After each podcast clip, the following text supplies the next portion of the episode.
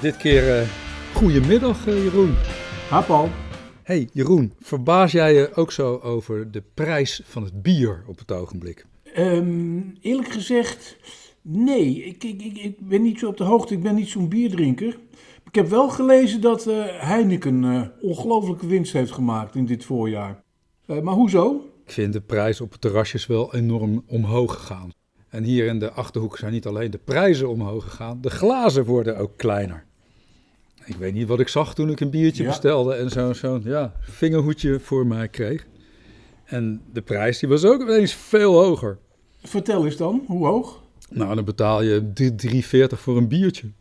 Voor een, voor een biertje. Ja, van, van 0,2 centiliter of zo. Dat vind ik toch wel een beetje veel. Het is trouwens niet overal zo hoor. Er zijn wel eh, cafés eh, waar het eh, wat minder is. Maar ik maak me er wel zorgen over dat uitgaan straks alleen voor de rijken is. Ja, nou zie je minder mensen op terras.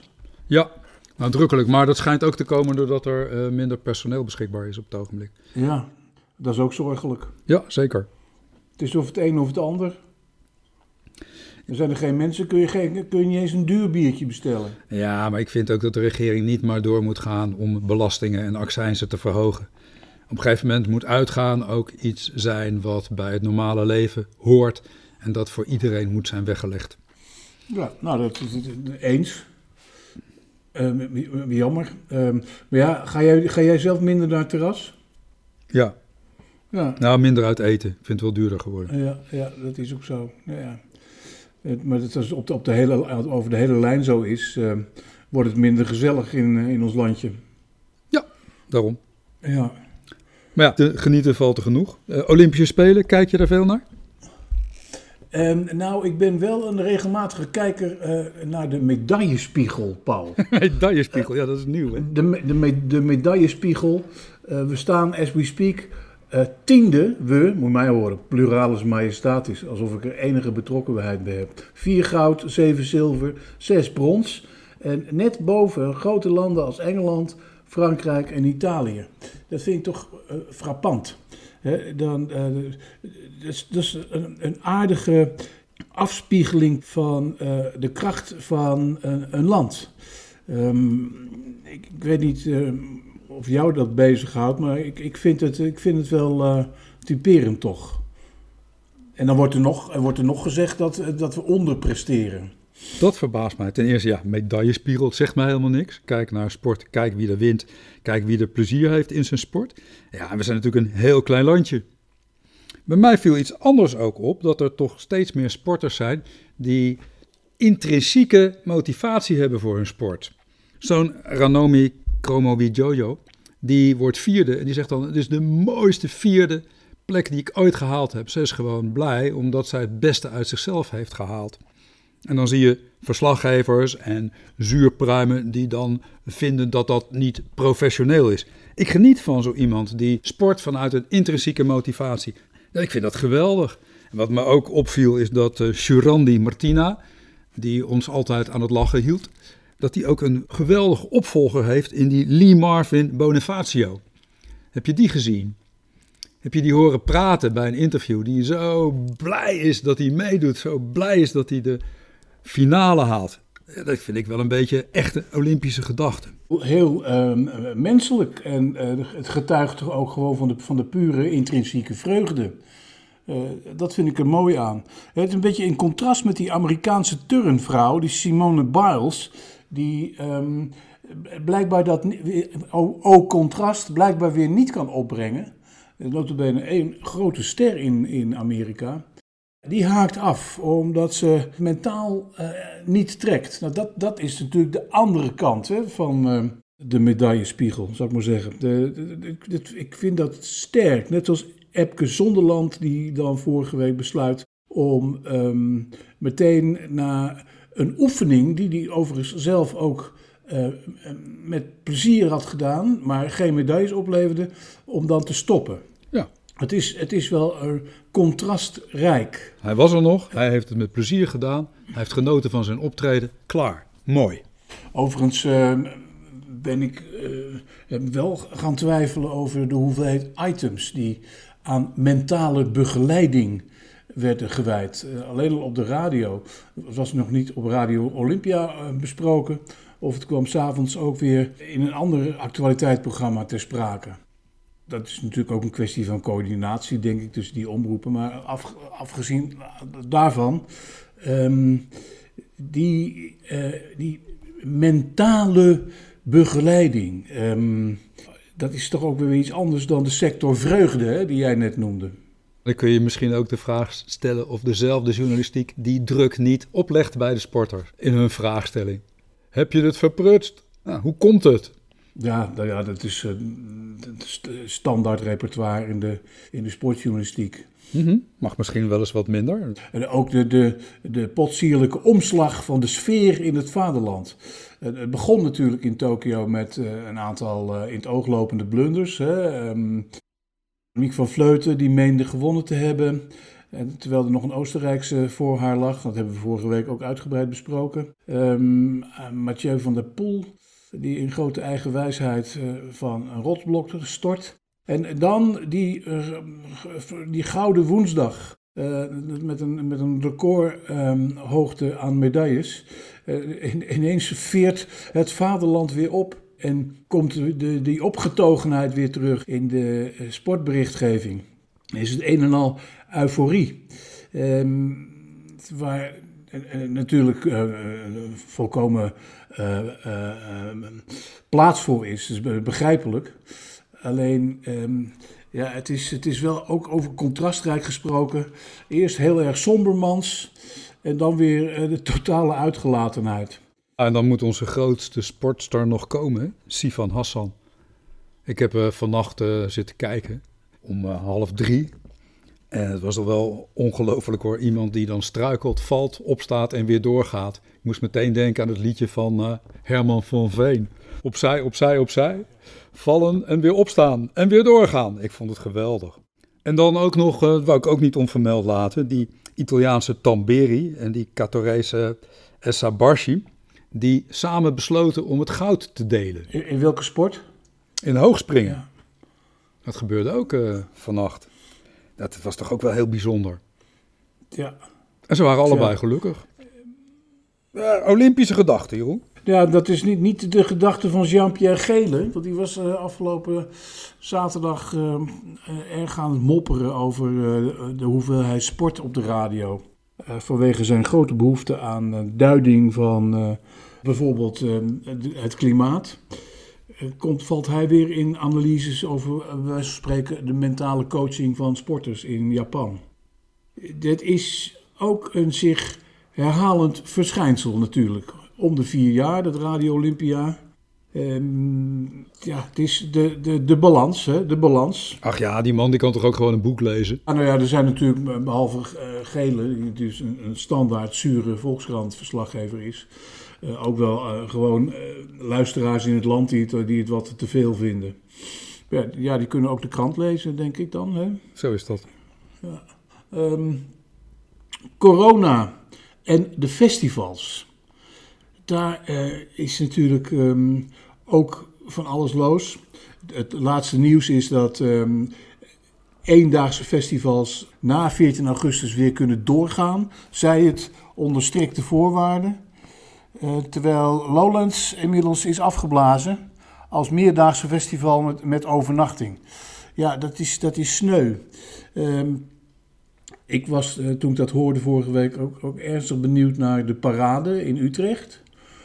Maar die kunnen dan weer wel, omdat uh, ze geen camping erbij hebben en overnachtingen. Vervolgens zie je um, dan wel ook wat dat voor gevolgen heeft, uh, dat doorgaan. Of hoe dat, hoe dat vervolgens doorgaat met corona. Um, ken je de parade? Ben je er ooit wel eens geweest? Heel lang geleden, maar dan gaat het echt 30 jaar terug of zo. Ja, ja. Het stond toen in Utrecht achter het gebouw van de Nederlandse Spoorwegen, herinner ik mij. Ja, Moreelse Park heet dat. Het is al een feest op zich dat het toch doorgaat. Want vorig jaar was het toch echt totaal uit een boze. Alles lag plat. En uh, nou, Nicole van Vessen, de directeur van de parade, die sprak ik. En die zei uh, dat ze al blij is met 600 mensen op het terrein. in plaats van de normale 3000.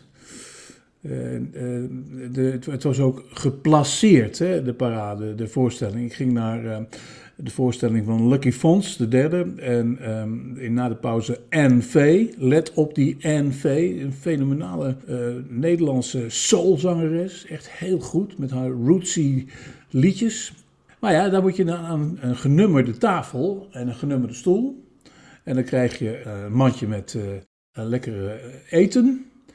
En zo'n tent zit dan toch ook um, ja, niet, niet vertrouwd vol. Maar uh, ja, allemaal, iedereen een beetje op afstand. En dat is dan ook weer een, heel merkwaardig contrast. Je had het net over de terrassen daar bij jou. Maar in, in Utrecht zijn die terrassen toch, zitten de mensen toch wel weer heel dicht bij elkaar. Valt me op. En in moet zo'n festival de mensen toch weer op afstand houden. Het is een beetje een, een hele merkwaardige uh, contrasten en, en tegenstellingen toch ook weer afstand houden, dan zie je dat hier ook verwaterd hoor. Mondkapjes zijn compleet uit het straatbeeld verdwenen en uit de winkels zie je eigenlijk helemaal niet meer. En afstand houden, daar, ja, daar moet je jezelf uh, aan herinneren. En af en toe moet je echt nu moeite doen om afstand te houden van een ander. Nou is dat hier natuurlijk een stuk makkelijker in de Achterhoek, veel ruimte, dus uh, je zit sowieso niet zo gauw op elkaar. Maar mensen zijn toch wel meer geneigd om zich wat veiliger te voelen en dichter op je te komen staan. Ik kwam daar straks eh, Albert Heijn binnen, bij mij in de buurt. En ja, ik deed uit een soort van automatisme toch dat mondkapje op. Ook omdat het uh, ook nog eens een keer uh, op uh, het raam stond, op zo'n waarschuwend biljet. Maar ik kom die winkel binnen en nog het personeel, nog het andere publiek heeft dat kapje nog. Nou, hier is het ook gewoon verdwenen. Ik zie het niet meer. Nou ja, ik ben benieuwd of, of dit gunstig blijft. Ik, ik heb zo mijn, mijn twijfels. Maar ik ben blij dat de parade er is. Ik ook. Midden in uh, een grote stad. Een grote stad als Utrecht. Uh, volgende punt. Waar um, de verstedelijking en uh, de nieuwbouw ook een grote bron van kritiek en zorg is. Ik, het is enigszins, het is een Utrechts verhaal, maar ik denk enigszins exemplarisch voor hoe het in de rest van het land is. In Utrecht gaat het over uh, zoiets als zo'n term als inbreiding. Hè? Dat, is, dus niet meer uh, de uitdijende stad, hè? Wat, je in Leidse Rijn bijvoorbeeld hebt gezien. Maar het terrein van uh, de voormalige Merwede, aan de, aan, aan de Merwede-kade. er stonden loodsen, oude fabrieken, allemaal gesloopt. Zijn ze gaan bouwen. een projectontwikkelaarsdroom uh, waar de gemeente Utrecht heel veel geld aan verdient per vierkante meters. En waar vervolgens appartementen worden neergezet. Waar mensen voor veel geld, voor veel huur, 900 euro, een, eigenlijk een hele kleine ruimte kunnen bewonen. Zo klein dat uh, als ze een gezin zouden willen stichten, er weer uit moeten. Uh, hier waar ik zit in Utrecht, um, is sprake van uh, ook weer uh, heel speculatief gedoe rond een uh, parkeerterrein waar dan toch ook weer zomaar een torenflat tussendoor wordt gefrommeld. Ook weer zo'n projectontwikkelaars dream. Dat is dan weliswaar in Utrecht nu een, een groot item. Maar zoiets gaat maar in heel Nederland door. En dan hoor ik op de radio toevallig een, uh, val ik in een gesprek waarin dat van gemeente tot gemeente toch ook weer verschillend wordt benaderd. Jazeker. Nou ja, als we eens kijken naar, naar wonen en huizen, dan is wonen op dit moment misschien wel een van de grootste onderwerpen die in Nederland spelen politiek. Jonge mensen vinden nauwelijks meer een betaalbare woning. Er wordt gigantisch uh, overboden en woningen worden steeds meer speculatieobject. En dat is toch wel een groot probleem. Ja. En ik zie nog geen oplossingen. Ik zie ook nog geen aanzet tot oplossingen. Ik moest van de week erover uh, denken. Ik las een, een, uitgebreid artikel in de Volkskrant over Blackstone, een buitenlandse belegger die in Utrecht, Amsterdam en Rotterdam woningen opkoopt die daar iets aan doet en vervolgens die huur vervier vijfvoudigt. waardoor het bijna onbetaalbaar wordt om daar te wonen. Dus een, woning die vroeger 500, 600 euro kostte, die kost nu opeens 2000 euro huur per maand. Hè? 2000 euro huur per maand. gemiddelde kost om een huis te kopen 275.000 euro. Ja, wat moeten al die jonge mensen op het ogenblik? En van die laatste groep, daar horen we zo weinig. Ik moest denken aan de jaren 80. Toen hadden we die krakersrellen in Nederland. Tijdens de kroning van koningin Beatrix waren er hele grote rellen. Onder het mom geen woning, geen kroning. 1980. En lieten de jongeren wel van zich horen. Nu zijn ze zo passief. Maar ik vind ook de politiek passief. Ja, Ik herinner me in dat geval ook de uitspraak van Jan Schever, Partij van de Arbeidman.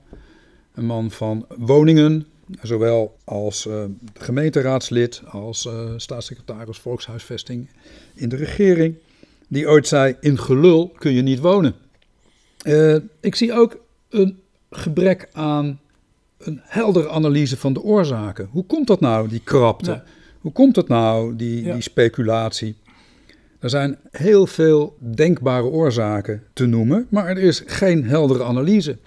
Hoe komt het nou dat ik bijvoorbeeld in een dorp woon, daar hebben we het eerder even over gehad, waar heel lang alle woningbouw is tegengehouden? Dat was een krimpgemeente, dus er werd gevochten tegen leegstand. Een jaar of twee geleden was die leegstand er ook. Nu, een huis staat nog geen 10 minuten te koop. Dan is er toch iets niet goed. En dan mis ik een heldere analyse. het is de markt, hè? Het is de markt. En het, het, het- het, geld, het geld regeert. Ja, ja. Maar is er sprake van krapte?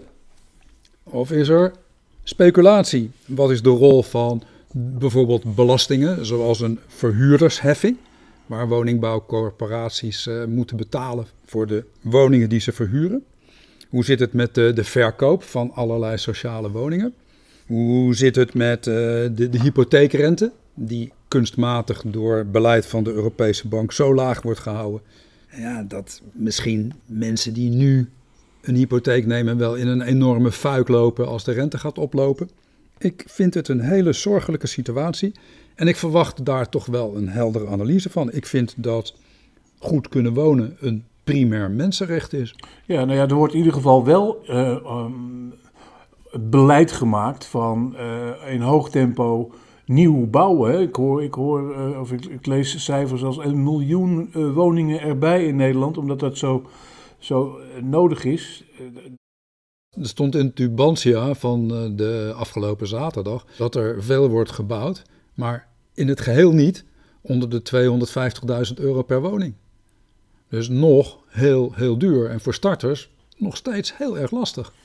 Ja, nou ja, is dan ook in Utrecht eh, eh, sprake bij die inbreiding in dat Merwedegebied van eh, gentrificatie? Dat heb je dan ook nog. Hè? Ehm, Wat is dat? gentrificatie, dat is ehm, het verschijnsel van het opwaarderen van een wijk.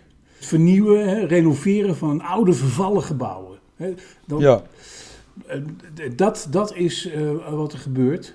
Dan blan- bleven doorgaans de armere mensen vaak in het centrum van de stad achter. Eh, die konden niet naar eh, eh, buiten, buitenwijken verhuizen.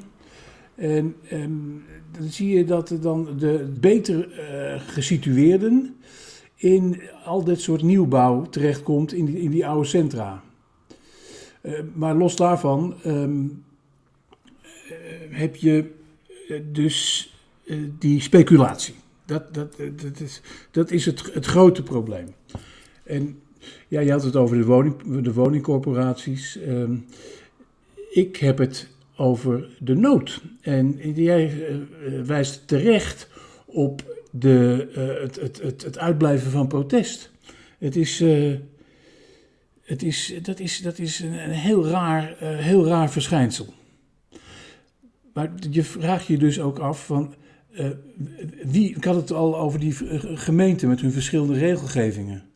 Maar, maar wie bepaalt? Wie grijpt in? Ehm, want dit, dit, dit eh, kan natuurlijk niet, niet zo duren. Het beleid hè, is het meer mogelijk maken, wat een gemeente zou kunnen doen. Bijvoorbeeld mensen meer de ruimte gegeven om zelf oude gebouwen op te knappen, om daarin te gaan wonen. Dus misschien wat minder regels, wat minder bouwvoorschriften binnen, binnen grenzen. Ja, daar kan een gemeenteraad af en toe een beetje aan morrelen. Een provincie speelt er een rol in, het Rijk speelt er een rol in.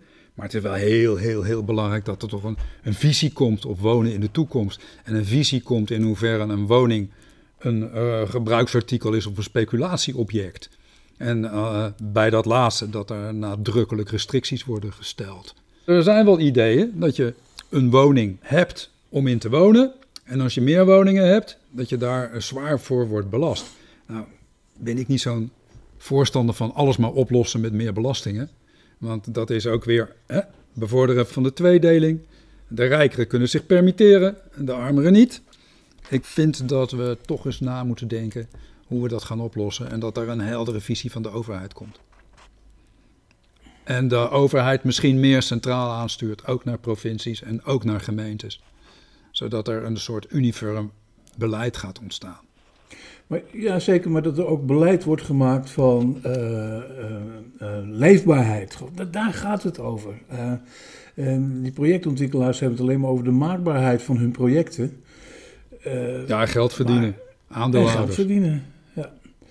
ja. Dan hebben wij hier in Utrecht een wethouder, Kees Diepeveen die eigenlijk niet precies weet of zegt of meent of zegt te weten hoeveel de stad zelf eraan verdient uh, ook zoiets dubieus. Mm -hmm. De laatste gedachten zijn er nog niet duidelijk over. Want kost het nou geld om bouwgrond uit te geven? Of levert het nou geld op om bouwgrond uit te geven? Dat soort tegenstrijdige berichten lees en hoor je ook. Tijd voor een uh, goede visie en een nieuwe regering. Ja, ja. Want uh, in dat gelul kunnen we ook niet langer wonen. Precies. Mensen zouden uh, moeten opstaan en uh, uit het raam schreeuwen: We pikken het niet meer. We pikken het niet meer. We, we're not gonna take it anymore.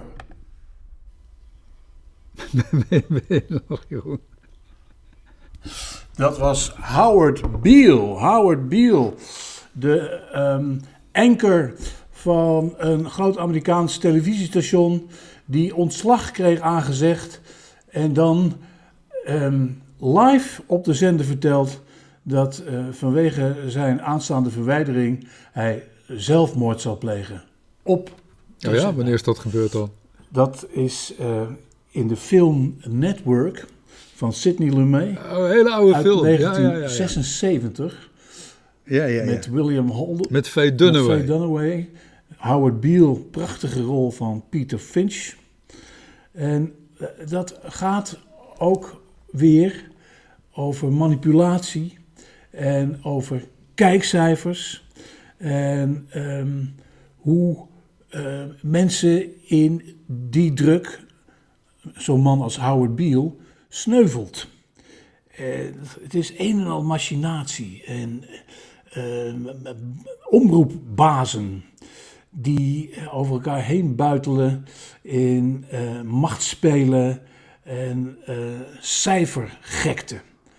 En toen ik dat zag, samen met mijn vrouw, zei ik van, dit is 1976. En het is nog steeds zo actueel als het maar kan. Uh, vul de Howard Beals van deze tijd maar in. Ook in Nederland dat vind ik zo frappant. Dat uh, die aangekaarte verschijnselen er nog steeds zijn. Waar doel je op? De verschijnselen? Wat klaagde de film aan? Het lot van de, de ouder wordende enker. Maar op het moment dat hij dat uh, zegt, stijgen de kijkcijfers enorm. En krijgt die man uh, binnen de kortste keren een, een eigen programma waarin hij uh, zijn gal kan spuien over, over allerlei zaken. Hoe dus dan vervolgens zo'n nieuwsman uh, in de sector amusement terechtkomt en hoog scoort. Overigens uh, gaat dat ook weer over en de hele film door wordt er dan wisselend over geoordeeld. Faye Dunaway ja. is de voormalige hoofdamusement die uh, haar uh, baas overtroeft. Met een van de bazen ook een, een liaison aangaat. En tot in bed onder de daad uh, wijs spreken nog over de kijkcijfers heeft. Ja, kijkcijfers, dat was natuurlijk toch het onderwerp van de late jaren 70 tot en met de late jaren 80. Ik herinner me ook het boek van Neil Postman, Wij amuseren ons kapot. Met een uh, tirade tegen het vermengen van amusement en nieuws. Er was geen bezwaar tegen amusement als zodanig, maar het feit dat nieuws steeds meer als amusement gebracht moet worden. We zijn daar denk ik inmiddels volledig aan gewend. We zijn gewend aan programma's waarin een serieus onderwerp altijd wordt afgewisseld met weer iets leuks. We zijn gewend aan formats, hè, dat alles precies zo lang mag duren. Eén gast mag dit zeggen, eh, een andere gast mag dat zeggen, dan moet het weer even leuk zijn. Dat is misschien wel mede oorzaak aan het feit dat er op dit moment zo weinig geloof wordt gehecht aan wat media berichten. Tenminste, door sommigen. Ja, dus die ook in, hier in Nederland, uh, ze heten geen Howard Beale, maar uh, Renze Klamer en Fidan Ekis, hè, de, de, vooravond op, op, op één. Die sluiten hun seizoen af met een vrolijk tot gauw, we komen weer terug. En dan worden ze verwijderd omdat ze in de hoofden van bepaalde bazen niet urgent genoeg waren. Nou, hier is meer sprake van slecht werkgeverschap, denk ik hoor. Want dat doe je natuurlijk niet op deze manier. Als jij uh, tijdens de uitzendingen niet zegt en het allemaal maar aanmoedigt en mooi vindt. En dan uh, zijn uh, de uitzendingen voorbij, het seizoen is over. En dan krijg je van ja jongens, het was niet goed genoeg, jullie hebben niet aan verwachtingen voldaan. En niet eens is bekend welke verwachtingen dat dan waren. Ja, dan wordt er gesuggereerd, het is een VARA-programma en het was een beetje een te rechts geluid. Niet inclusief genoeg, zoals we dat nu, nu zeggen. Ja, daar heb ik dan toch wel grote twijfels over. Of dat niet gewoon gekwalificeerd kan worden als zeer slecht werkgeverschap. Dat, zeker. In, in alle lagen, uh, ook bij de radio. Het is opportunisme. Uh, het is uh, concurrentiestrijd. in ieder geval houdt het niet op. het blijft actueel. Zo'n film 1976. En ik vond het frappant. Je hebt natuurlijk op dit moment ook de, de, de twijfel aan het uh, journalistieke gehalte van NOS, uh, NTR. Uh, de journalisten van NOS, NTR en Nieuwsuur, die hebben afgelopen week, dat bericht de NRC, gereageerd naar de leiding van de NPO. Dus, dus niet de leiding van hun eigen omroep dat zij zich ernstig zorgen maken over een, wat ze noemen, flagrante schending van de journalistieke code. En dan duiden ze op de uitzendtijd van de documentaire over mevrouw Kaag van D66, hè, vlak voor de verkiezingen. En iets wat nu naar buiten is gekomen, dat de presentator Jort Kelder mm uit eigen zak, weliswaar, geld beschikbaar heeft gesteld aan medewerkers van hem om promotiefilmpjes te maken voor Forum voor Democratie. Ja. En die journalisten van NOS, NTR en Nieuwsuur, die vragen van de NPO, spreekt u daar eens over uit? Want dit is toch niet een journalistieke zuiverheid? Nee, bij, bij, bij Kaag ging het ook nog over de journalistieke onafhankelijkheid. Of zij, of zij wel niet heel erg um, die documentaire had gemanipuleerd. En uh, bij Jort Kelder uh, ruikt het natuurlijk ook weer naar uh, belangenverstrengeling. Die, en die komt, er, die komt er dan ook nog weer eens een keer mee weg. Je moet ook bedenken dat dat in het oog van het publiek, van de mensen die hun vertrouwen moeten vestigen op een onafhankelijke publieke omroep, zo en zo een slechte zaak is, dit soort berichten. En dat men in deze tijd misschien wel eens extra voorzichtig kan zijn of moet zijn met journalistiek zuiver handelen. Ja, met feitelijkheid en onafhankelijkheid. Nou, ik vind het wel een goed teken dat die journalisten dat geluid laten horen. Dat is heel goed. Uh, dan is er dus uh, nog wel een uh, geweten, een waakzaamheid, een oplettendheid. zelf gewoon dus ook je eigen medium, je eigen zender aan de kaak durven stellen. Moedig, maar ook urgent. En het gebeurt. In wezen spreken ze ook collega's aan. Want Elke journalist heeft nog steeds een redactiestatuut waaronder hij kan schuilen en de eigen journalistieke onafhankelijkheid naar voren kan blijven brengen. En deze journalisten, deze kritische journalisten zeggen ook, ja, er zijn er dus collega's die toch misschien te veel het oor hebben geleend aan belangen van anderen. Van degene die ze hebben geïnterviewd, of personeel, of politiek. Goed, goed dat het gebeurt. Ook goed dat het naar buiten komt. Ja, nou ja het is, het is een, een, een, terecht tegenwicht tegen uh, een, een, voortschrijdende trend. Dat is, de, waar de, de voorlichters en de hoofdpersonen van een documentaire zelf daar proberen richting aan te geven en te manipuleren.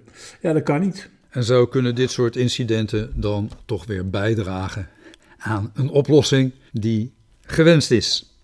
Waar we weer mee verder kunnen. En dat we allemaal uit het raam gaan hangen en, en, en roepen dat we zo kwaad zijn als de hel. En dat we het niet meer pikken. Zo is dat. Jeroen, dank je wel. Tot volgende week.